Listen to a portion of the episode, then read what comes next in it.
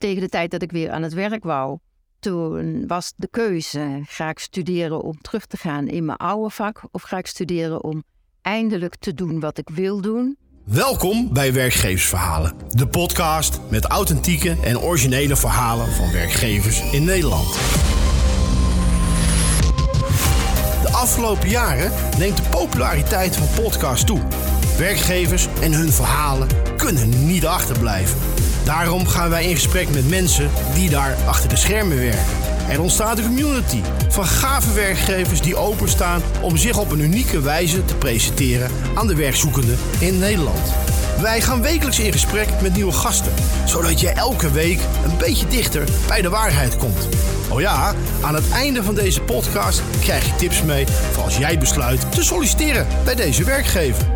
Mijn naam is Bas Racing. Houd je handen aan het stuur en geniet van ruim 30 minuten aan echte werkgeversverhalen die je nog niet eerder gehoord hebt. Ja, in werkgeversverhalen bestaat alweer een eh, aantal maanden, want we zijn wat dat betreft nog echt in opbouw. Maar voor het eerst aan tafel een, ja, het is geen bedrijf, het is een stichting, RBCZ. Eh, een stichting die zich begeeft in uh, de wereld van de complementaire zorg. Willemieke, welkom. Boudewijn, welkom. Dank u wel. Uh, nou ja, voordat we gaan praten over RBCZ en over de complementaire zorg, 9000 aangesloten uh, therapeuten, doe even een voorstelrondje. Zal ik uh, de handschoen maar oppakken? Jij mag de handschoen oppakken. Mijn naam is Boudewijn Galaudi. Ik ben sinds drie jaar voorzitter van bestuursvoorzitter van Stichting RBCZ, zoals je net al aangaf. Ik ben 58 jaar geboren en getogen in Amsterdam. Daar woon ik ook nog steeds. Um, ik heb uh, naast het voorzitterschap nog een eigen praktijk in Amsterdam in lichaamsgeoriënteerde psychotherapie. Sinds tien jaar en daarvoor heb ik altijd in het bedrijfsleven gezeten. In een, ook een zorggerelateerde omgeving, maar dan de commerciële bedrijfsgezondheidszorg. Daar was ik uh, senior account manager 20 jaar lang bij uh, Arbonet, grote landelijke arbodienst, waarvan ik de oprichting nog heb mee mogen maken en bedrijf heb mee mogen helpen bouwen.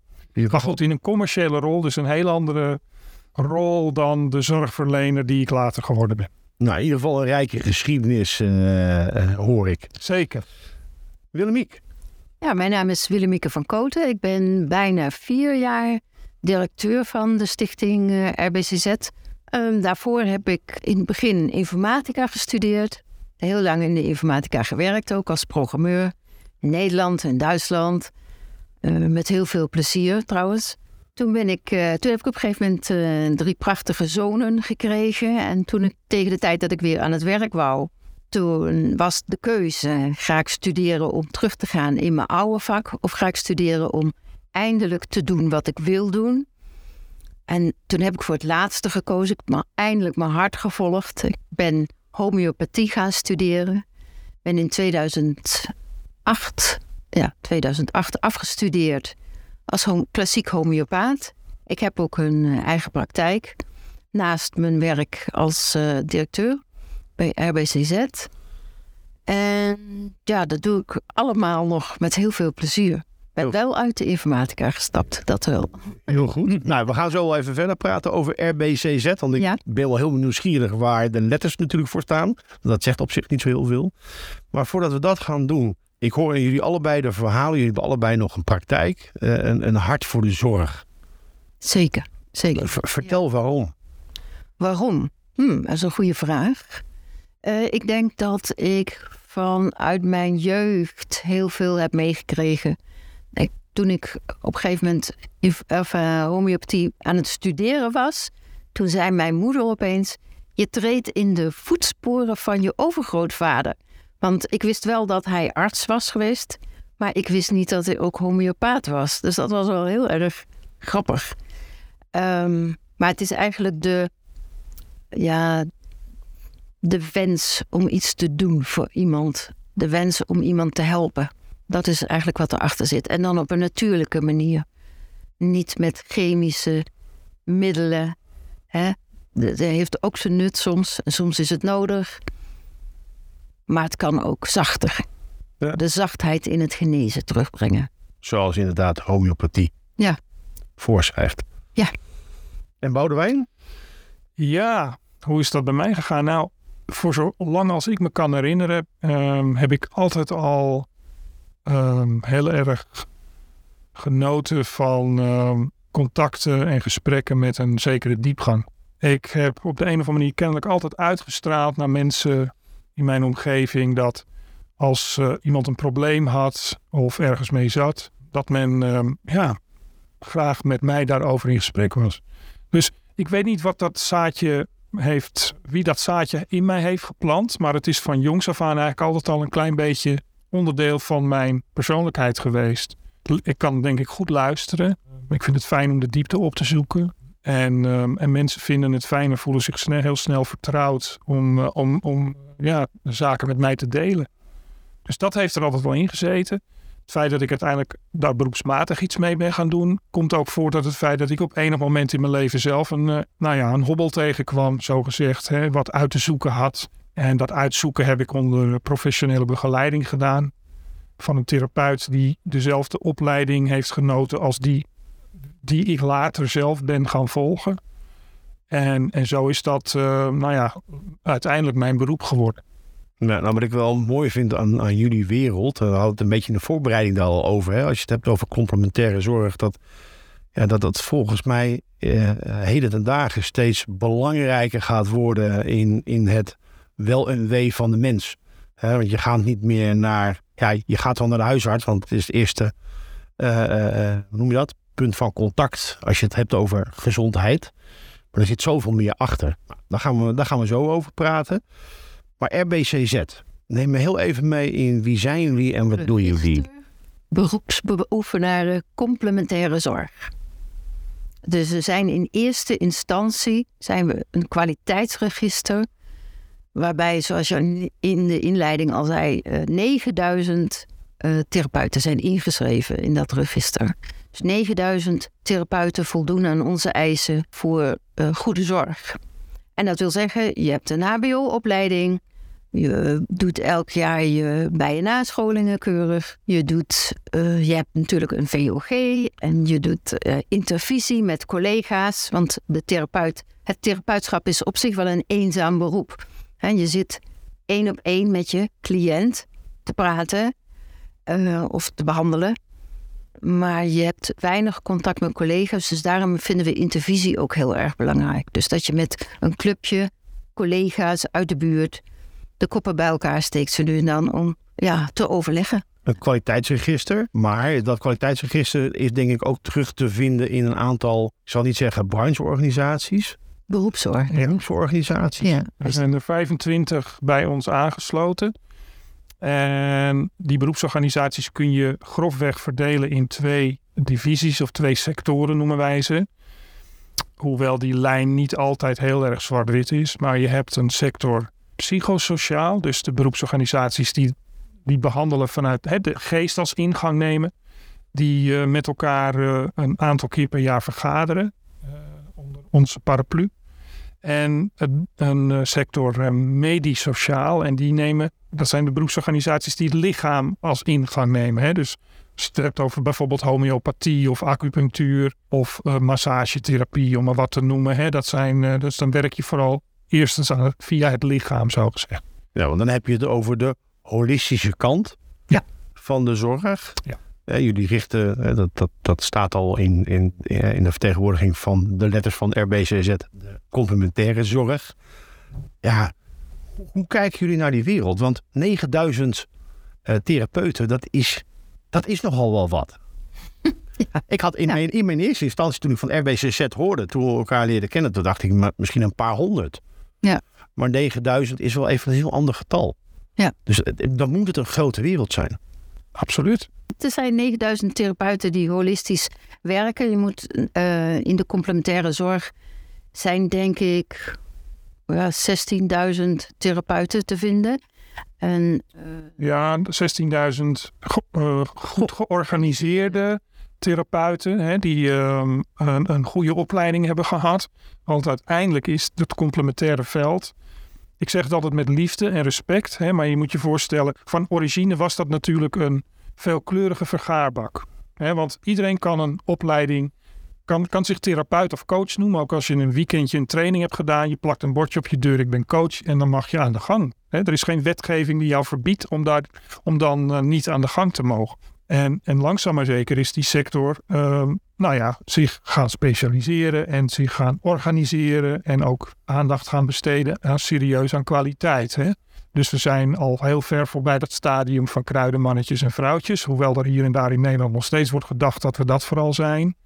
Maar de groep die wij vertegenwoordigen, en daar zijn er nog een aantal koepelorganisaties die gelijk zijn, soortgelijk zijn aan RBCZ, maar een stuk kleiner qua omvang. Die vertegenwoordigen zeg maar het, de bovenkant van het complementaire veld. Dus de mensen die op HBO, HBO Plus en op, soms op WO niveau zijn opgeleid. Vaak ook met een reguliere vooropleiding. En niet zelden ook werkzaam geweest in het reguliere veld. Maar zich daar niet, en, en dat zien we in toenemende mate, zich daar niet meer thuis voelen. Vanwege de overprotocolering en de, nou ja, het feit dat, dat er steeds minder tijd is om, om echt aandacht te besteden aan een patiënt. wij hebben daar gelukkig minder last van. En dat is voor onze therapeuten natuurlijk hartstikke fijn je moet, ook, je moet je voorstellen, hoe, hoe, is, hoe dat zorglandschap nou ingedeeld? Je hebt natuurlijk de reguliere zorg. En vaak zit die zorg in de basisverzekering. Complementaire zorg zit niet in de basisverzekering, maar wij zitten in de aanvullende polis bij zorgverzekeraars. Een van de redenen dat wij uh, bestaan heeft ook te maken met het feit dat bij ons aangesloten zijn. Tevens de poort is, de deur is naar het vergoedingsstelsel van de zorgverzekeraar. We zitten dan in de aanvullende polis en dat is een andere dynamiek. We hebben minder met protocolering te maken. Uh, en we hebben meer zeggenschap over hoe wij onze zorg aan patiënten in willen vullen. En ik denk dat een van de grote krachten die wij, uh, of een van de, van de positieve dingen die, die onze sector vertegenwoordigt, en waarin je ook ziet dat steeds meer zorgverleners zich thuis voelen in onze sector. Ja, die heeft aandacht en tijd. Aandacht en tijd. Dus wij kunnen nog serieus tijd nemen met een hè, eh, tijd besteden aan een cliënt in het face-to-face contact. En je ziet natuurlijk in de reguliere zorg, en dat zeg ik met alle liefde en respect, want ik heb mijn collega's in die sector hoog zitten. Maar je ziet en je hoort in die sector hoe moeilijk ze het vinden dat ze steeds meer tijd achter een computer moeten doorbrengen. Formulieren invullen, administraties op orde maken, eh, documenten invullen. En, en, en dat gaat toch ten koste van de tijd die je aan een cliënt kan besteden. Ja, je kan er ook door minder cliënten natuurlijk behandelen. Ja, nou en wij doen die dingen ook. Hè. Wij moeten ook een medisch dossier aanleggen. We vallen ook onder de wetgeving die bepaalt dat wij zaken moeten registreren, zorgvuldig moeten zijn. Ehm, maar laat ik het zo zeggen, um, we hebben daar net iets in intensiteit, net iets minder last van, net iets minder protocolering dan, ehm, dan de reguliere collega's. Dus als je bijvoorbeeld kijkt naar wat je op het moment ziet, is een trend van heel veel uh, psychologen bijvoorbeeld of psychotherapeuten. Die zeggen: Oké, maar ik stel een diagnose en dan moet ik binnen tien behandelingen moet ik iemand genezen hebben. Dus moet ik er eigenlijk een diagnose bij hebben, want het is onmogelijk, weet je. Maar dat, dat is gewoon een onwenselijke situatie. Of ze willen een andere therapievorm toepassen en een andere interventie toepassen, maar dat mag dan niet. Als je dan je zelfstandig gaat vestigen en zegt van ik ben nou psychosociaal therapeut, zoals dat bij ons heet, dan kun je veel meer naar het hele landschap eromheen ook. Hè? Vandaar ook sociaal toegevoegd. Uh, je kunt naar het hele verhaal kijken. En dat geeft veel meer vrijheid. En je kunt net zoveel tijd aan iemand besteden als jij wil. Want er is niemand die dat verbiedt, om het zo maar te zeggen. En dat je het zelf kan invullen. Je kunt het zelf invullen. Ja, ja, het is je eigen expertise en je hebt geen protocollen waar je aan moet voldoen elk mens is uniek. Dus er bestaan geen protocollen voor mensen. Dat kan niet. Het is gewoon per definitie onmogelijk in onze, in onze visie. Nou ja, en dat is niet zomaar wat Priet praat. Hè, er ligt een, uh, een onderzoek van het CBS uit 2018. Uh, en dat kun je gewoon downloaden op internet, waarin onderzoek is verricht naar de mate waarin van onze zorg gebruik wordt gemaakt door de gemiddelde Nederlander. En ook de waardering van die zorg. En wat mij uh, nog steeds helder voor het netvlies staat, is dat de, de waardering, dus het rapportcijfer dat onze sector krijgt voor de, de zorg die we leveren, in de beleving van de Nederlander die van ons gebruik maakt, is een 7,9. Dus dat is afgerond een 8. Hè? Dus dat zegt toch wel iets over de wijze waarop, uh, waarop onze zorg wordt, uh, wordt gewogen. Nou, ik denk niet alleen om vanwege de expertise natuurlijk, maar omdat er ook, je krijgt aandacht. Er is een luisterend Ja. oor voor je. Ja, En neem absoluut. tijd. Absoluut. Absoluut. Nou, Ja. daar komt ook inderdaad uit naar voren dat die, nou ja, die therapeut-cliëntrelatie, hoe belangrijk dat is als, als waarde binnen de therapie. En ook de reguliere collega's zien dat meer en meer en, en spreken dat ook uit. Hè? Dat die, die Ja. aandacht voor de patiënt zo belangrijk is. Ja, want 9000 therapeuten, eh, dat hebben we al eerder gezegd, dat is natuurlijk een behoorlijk aantal. Ja. Eh, eh, dat zal ongetwijfeld de komende jaren wel gaan groeien. Nou, daar hebben we het misschien straks nog over. Maar wat is jullie verwachting wat in die complementaire zorg gaat gebeuren? Hoe gaat zich dat ontwikkelen de komende jaren? Dat is een hele spannende vraag. Oh, echt waar? Je kijkt me ook heel doordringend aan. Nou ja, het kan verschillende kanten opgaan. Hè. Het kan, eh, wat jij eigenlijk aangeeft, dan, het kan groeien inderdaad. En eh, aan de andere kant, het kan ook inkrimpen misschien. Je weet het niet. Dat is, het is heel moeilijk in te schatten. Maar wat zegt jouw gevoel dan? Eh, nou, mijn gevoel is wel dat het, het, dat het naar elkaar toe gaat groeien. En ik denk dat eh, we hadden het in ons voorgesprek over de muur die er een beetje staat tussen regulier en complementair. Hè? We, we groeien naar elkaar toe. En dat kan heel gunstig zijn en het kan ook heel ongunstig zijn. Het is, wordt echt wel een beetje een spannende periode in mijn visie. Want je wel eens ziet, bijvoorbeeld, is, eh dat hebben we de afgelopen jaren meegemaakt, dat een interventie die eigenlijk in onze sector heel gewoon is, hè, eh, dan noem ik even EMDR bijvoorbeeld, eh, Mindfulness. mindfulness ook. Dat zijn interventies, behandelingen die uit onze sector komen, zeg ik dan maar even Ja. trots. En overgewaaid zijn. Ze overgewaaid zijn, overgenomen zijn. Ja. En vervolgens eh, wordt het zelfs zo ver doorgevoerd dat je als niet-arts eh, Mm. die interventie opeens niet meer zou mogen gebruiken. Eh, de- zover is het nog niet helemaal. Maar daar dreigt het dan opeens wel naartoe te gaan. Dus daar moeten we heel hard tegensturen. En dat is Om heel. kwaliteit te bewaken. Ja, ja, ja, weet je. En wij, in mijn eigen, als- laat ik het even bij mijn eigen therapievorm, homeopathie houden. Eh, er zijn homeopaten die een studie van vijf à zes jaar hebben gedaan om homeopaat te worden, om die holistische visie goed te krijgen. En je hebt eh, homeopathische artsen die soms maar een opleiding van tien dagen hebben gevolgd. Ja. En persoonlijk maak ik me daar dan een beetje zorgen over. Weet je, dan ben je dan homeopaat. Als je, ook al ben je arts, heb je natuurlijk een dijk van een opleiding, daar gaat het Mhm. niet om. Maar heb je wel de homeopathische visie te pakken Ja. met tien dagen. En dat is dan jammer. Weet je, dus het heeft allebei, als je het allebei goed bij jezelf blijft, kan het allebei goed zijn. Maar het, het is niet te vergelijken. Laat ik het maar even zo zeggen. Ja. En hoe kijk jij daarnaar, Boudewijn? Nou, ik deel wel wat eh, Willemieke zegt. Aan de, eh, la- als ik naar de, positieve kant kijk, dan, eh, dan, dan kunnen we echt wel vaststellen dat we zichtbaarder worden langzamerhand. En dat er ook meer, en juist ook vanwege de, de enorme problemen waar de zorg zich voor gesteld ziet, hebben we in die zin natuurlijk ook een beetje de wind in de zeilen.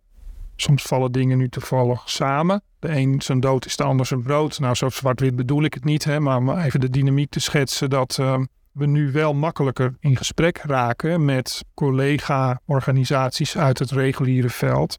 Waar we tot voor kort, nou ja, hè, zou dat nog een utopie geweest zijn. Ja, absoluut. Daar, Ja. daar serieus mee aan tafel te kunnen zitten. En nu wordt er toch veel meer gekeken. Nou, hè, wat, wat is jullie.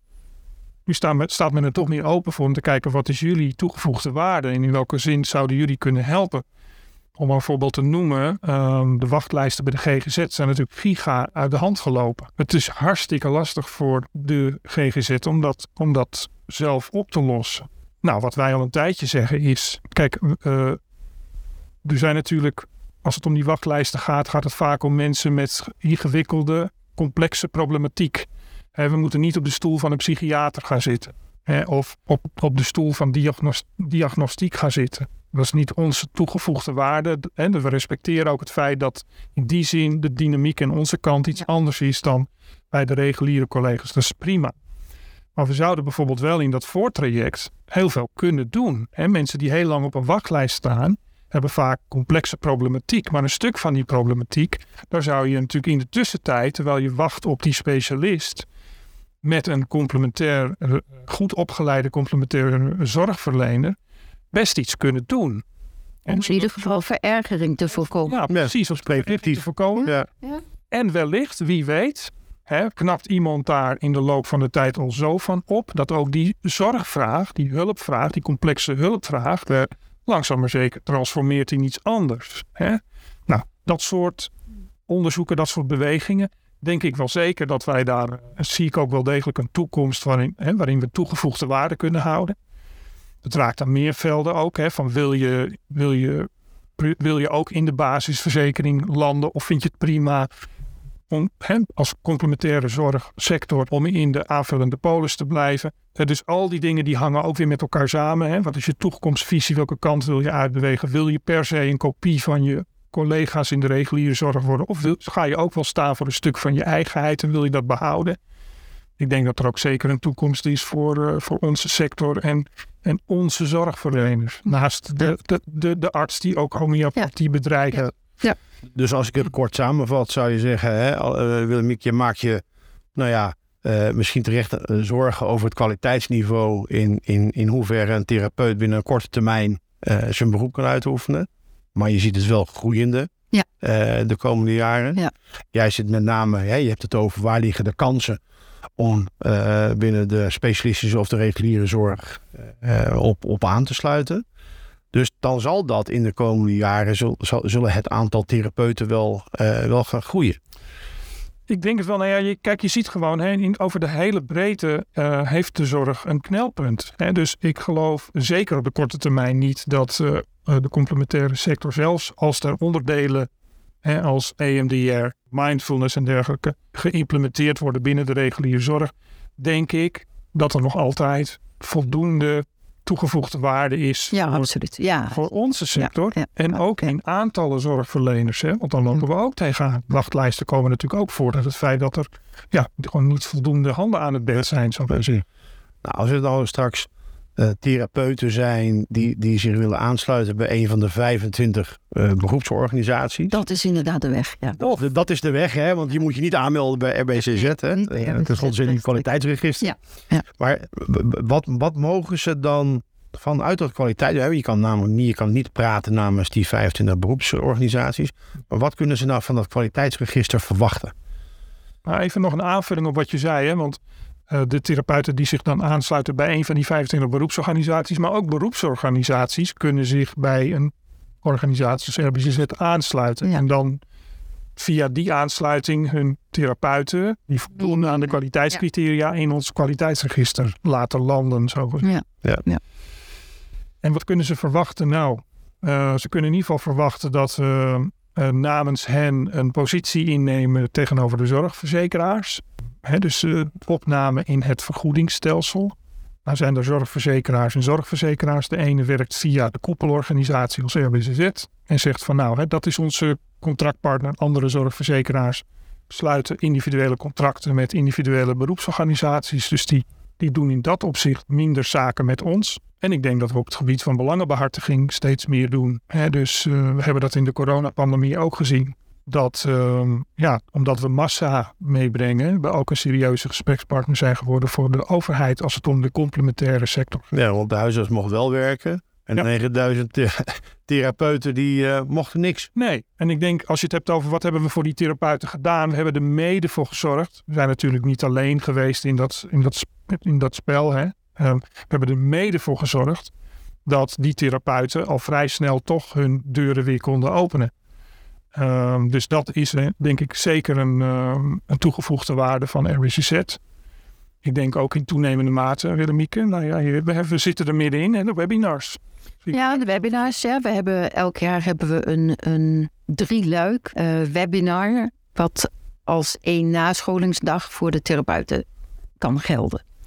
Dit jaar hebben we uh, toevallig een, een webinar over medicatie niet dat wij uh, op de stoel zitten van de apotheker of de voorschrijver, maar wel dat we ons bewust worden als uh, complementair therapeut dat we steeds meer cliënten zien met een waslijst aan medicatie. En dat we ook de tijd nemen om te kijken van goh, medicatie. Wat voor invloed heeft dat op de persoon? Wat voor bijwerkingen heeft deze medicatie bij deze persoon? enzovoort. En, en kan het allemaal wel samen bijvoorbeeld? Hè, dat we ons daar wat bewuster van worden. Dat is het doel van deze nascholingsdag.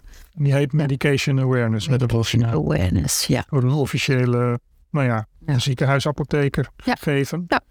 Mooie, mooie nascholing. En, en ik denk, eh, we doen steeds meer aan, eh, aan webinars. Hè. Dus eh, soms eh, contracteren we eh, sprekers die in het publieke domein of in het zorgdomein aansprekende namen zijn. En op die manier inspireren we onze therapeuten om naar best practices te luisteren, daar kennis van te nemen of geïnspireerd te raken, simpelweg. Ja, precies. Ja. Maar we, zijn, we ontzorgen daarmee ook de, de therapeut dus eigenlijk. Hè? Dus door kennis over te brengen. Maar ook door bijvoorbeeld als... eh, wij vallen ook onder bepaalde wet en regelgeving natuurlijk. En daar kun je ook heel veel... Maar dat is voor een individuele therapeut. Je moet bedenken, dat zijn allemaal ZZP'ers. Hè? Ja. Het zijn allemaal klein, kleine eenpittertjes. Ja.